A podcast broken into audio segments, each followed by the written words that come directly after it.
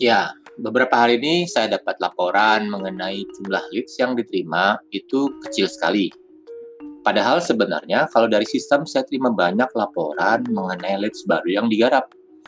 Jadi episode kali ini kita akan bicara mengenai bagaimana bagaimana mengelola leads atau calon pembeli.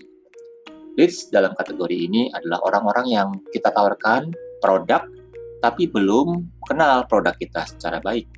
Bahkan sama sekali nggak tahu apakah brand ini fungsinya buat apa, manfaatnya buat apa, dan bahayanya buat mereka sebagai customer apa. Jadi leads yang masuk ini asalnya dari funnel.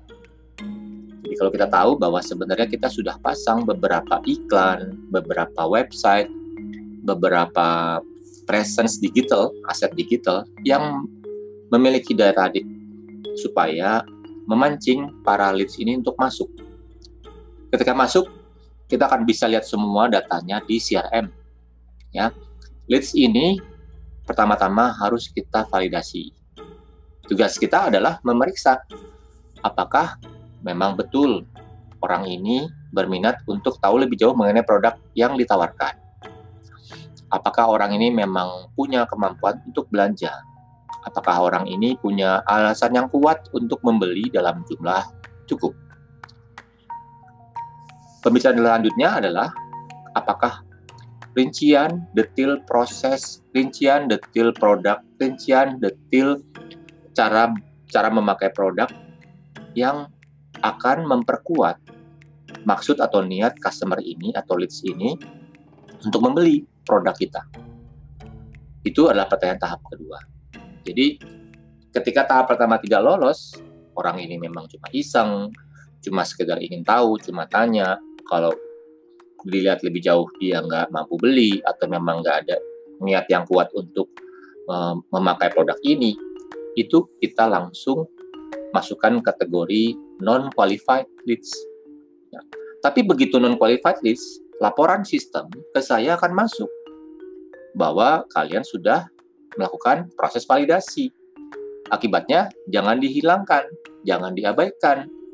Angka berapa banyak yang kalian sudah validasi leads-leads tersebut, gitu.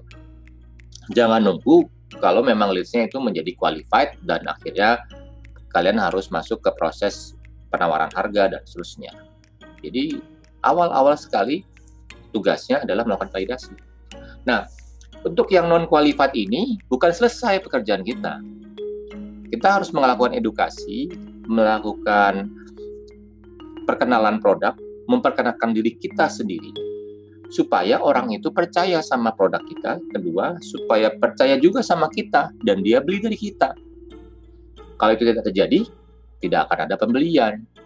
Kalau orang nggak percaya sama kita, dia nggak akan beli sama kita, belinya sama tetangga sebelah, sama orang lain, gitu. Jadi ada tugas-tugas selanjutnya ketika kita sudah kategorikan leads ini sebagai non-qualified.